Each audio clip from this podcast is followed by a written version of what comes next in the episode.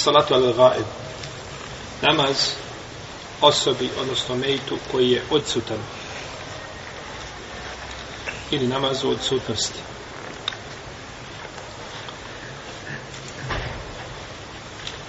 kada je u pitanju namaz u odsutnosti islamski učenjaci imaju tri mišljenja prvo je da je dozvoljeno klanjati namaz u odsutnosti Mislim da je jasno što je namaz uzrunost.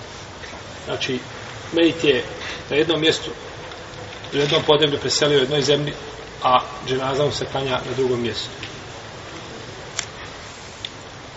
Prvo mišljaju da je dozvoljeno klanjati, to je mišljaju mama Šakije, i to je jedan i vajatelj mama Ahmeda.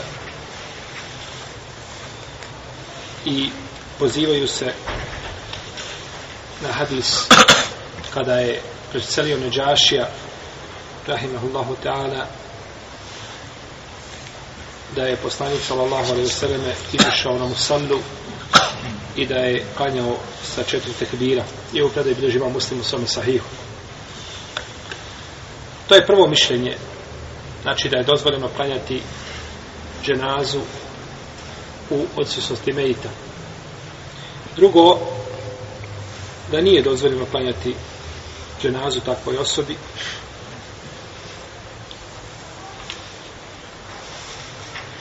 i to je stav imama Malika Jebu Hanife a kažu da je hadis koji je prethodno spomenut koji se tiče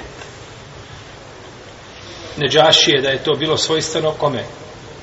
poslaniku sallallahu alaihi sallam i treće mišljenje da je dozvoljeno klanjati toj osobi dženazu ako joj nije dženaza obavljena u dotičnom mjestu znači ako je obavljena dženaza tada se neće ponavljati.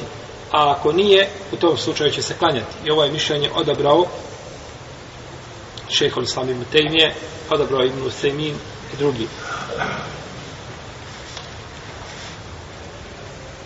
Njihovi dokazi su da poslanik sallallahu alaihi vseleme nije nikada klanjao odsutnoj osobi dženazu osim neđaši. Zato što je umro među mušricima koji nisu mu, jel, svakako klanjali dženazu, a i da jesu, ne bi se računali, jel, A i oni muslimani koji su bili sa imamom, sa neđašijom, koji su primili islam, nisu poznavali šta? Propise? Propise dženaze. Nisu poznavali zbog daline, zbog nepoznavanja, znači općenito propisa, oni su vjerovali, osnovu su vjerovanja imali pri sebi, ali propisi do njih nisu bili stigli.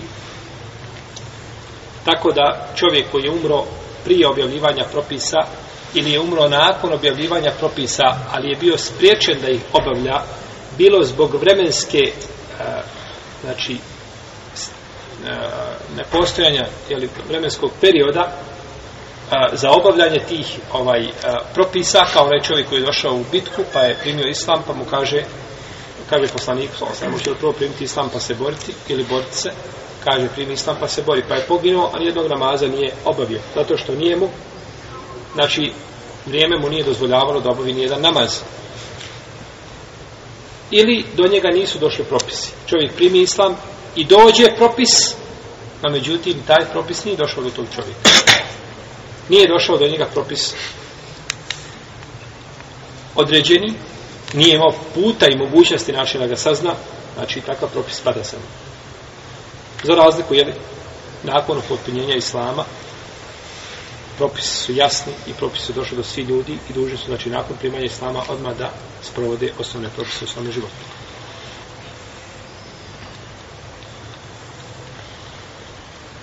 U svakom slučaju postoji razilaženje među islamskim učenjacima.